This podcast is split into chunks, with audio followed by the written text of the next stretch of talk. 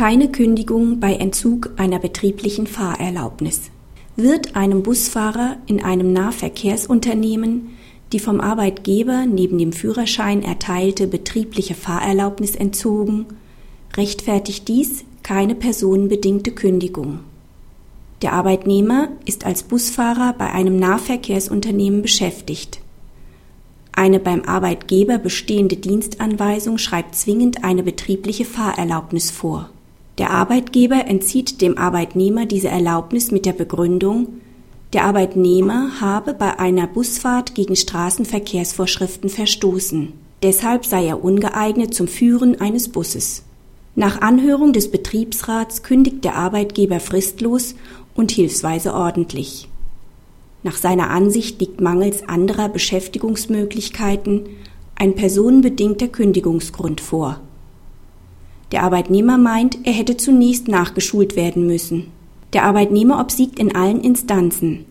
Der Entzug der betrieblich erteilten Fahrerlaubnis rechtfertigt weder eine außerordentliche noch eine ordentliche personenbedingte Kündigung. Zwar führt der Verlust der gesetzlichen Fahrerlaubnis zu einem tatsächlichen Beschäftigungsverbot als Fahrer, sodass der Arbeitgeber den Arbeitnehmer nicht weiter einsetzen darf und es dem Arbeitnehmer unmöglich ist, die geschuldete Arbeitsleistung zu erbringen. Daher ist anerkannt, dass der Verlust der Fahrerlaubnis bei einem Kraftfahrer einen personenbedingten Grund zur Kündigung darstellen kann.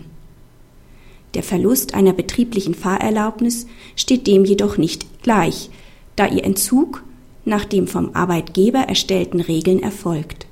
Ansonsten könnte der Arbeitgeber durch Schaffung eigener Kündigungsgründe die Regelungen zur verhaltensbedingten Kündigung bei arbeitsvertraglichen Pflichtverletzungen umgehen. Dies würde dem gesetzlichen Kündigungsschutz zuwiderlaufen. Praxishinweis Bei Entzug einer betrieblich erteilten Fahrerlaubnis scheidet eine personenbedingte Kündigung aus. Es kann lediglich verhaltensbedingt gekündigt werden. Die Kündigung hat dabei jedoch stets Ultima Ratio des Arbeitgebers zu sein.